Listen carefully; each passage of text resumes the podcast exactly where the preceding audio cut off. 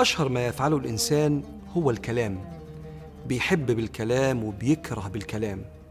بيتواصل بالكلام وبيقطع العلاقات بقطع الكلام. يخرج من الكفر إلى الإيمان بالكلام ويتجوز بكلمة وينفصل بكلمة.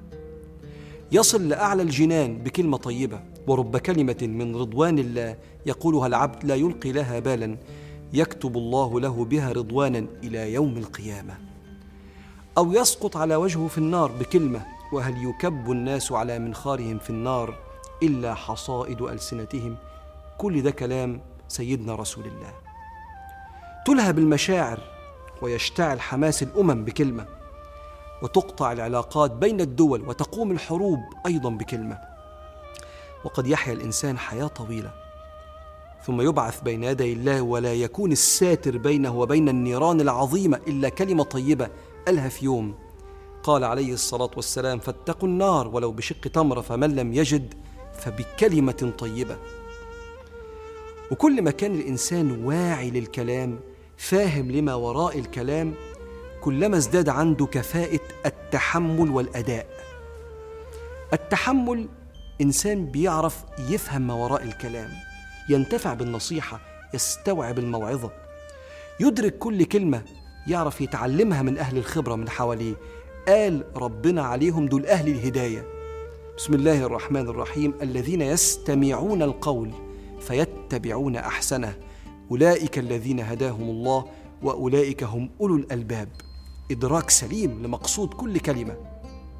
ثم ينتقل الإنسان بعد كفاءة القدرة على التحمل وفهم الكلام للقدرة على الأداء التعبير. يرتقي عنده أنه يقدر يعبر بحكمة ورقي عن اللي جواه من غير ما يأذي أو يجرح أو يساء فهمه. وحسن الأداء التعبير عن اللي جواك من صفات الأنبياء. قال صلى الله عليه وسلم أوتيت جوامع الكلم. يعني يعبر عن اللي جواه بأنسب كلام. أغلب مشاكل البشر من كلمة مش مناسبة ما كنتش أقصد معناها جوايا. أو معنى جوايا مش لاقي له الكلمة المناسبة اللي قادر أعبر بيها. والشخص اللي يعرف يعبر تعبير سليم الأداء ويفهم ما وراء الكلام هذا إنسان قدر يحب ويتحب. ولو عايز ترتقي بكلامك دور على لين الكلام. العلماء بيقولوا من لانت كلمته وجبت محبته. إيه رأيك نتمرن أنا وأنت على تنفيذ الأمر الرباني في استخدام أحسن المفردات للتعبير عن اللي جوانا؟ بسم الله الرحمن الرحيم. وقل لعبادي يعني يا رسول الله علمهم وقل لعبادي أمر وقل لعبادي يقول التي هي أحسن أن يستخدموا أحسن المفردات في التعبير عن اللي جواهم. وينتقوا أشيك الكلمات عشان يقولوا اللي في صدورهم. ويقول ربنا آية لازم تتفكر فيها. بسم الله الرحمن الرحيم. وإذ أخذنا ميثاق بني إسرائيل ده موضوع في أخذ ميثاق في عهد مع الله. وإذ أخذنا ميثاق بني إسرائيل لا تعبدون إلا الله وبالوالدين إحسانا وذي القربى واليتامى والمساكين وقولوا للناس حسنا وأقيموا الصلاة وآتوا الزكاة. خدت بالك؟ وقولوا للناس حسنا موقعها ما بين آيات العقيدة وآيات أركان العبادة زي الصلاة والزكاة. كأن ربنا بيقول لنا ده مش موضوع جانبي هامشي أن تنتقي أطيب وألين الكلمات في التعبير عن اللي جواك. ده ما بين العقيدة وما بين أركان الإيمان القول الحسن.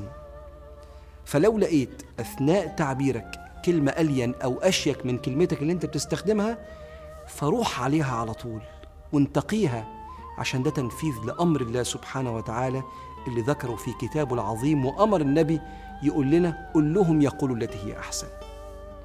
واسمع للرحمن في محكم التنزيل. خلق الإنسان علمه البيان. خاطبهم ربهم من سبع سماوات فاهتدى العباد بكلام القرآن. وأخبرنا نبينا رحيم العباد أن طيب الكلام علامة الإيمان. وكم من غافل عما يقول أوصله كلامه إلى حمى النيران ونرى كلمات تقتل أصحابها وكم من كلمة أحيت إنسان وكلمة طيبة لم تلق لها بالا أوصلك جمالها لأعالي الجنان. فنقي كلمتك حتى يوجب الله في نفوس الناس محبتك. اللهم أفض علينا بطيب الكلام وارض عنا يا ملك يا قدوس يا سلام.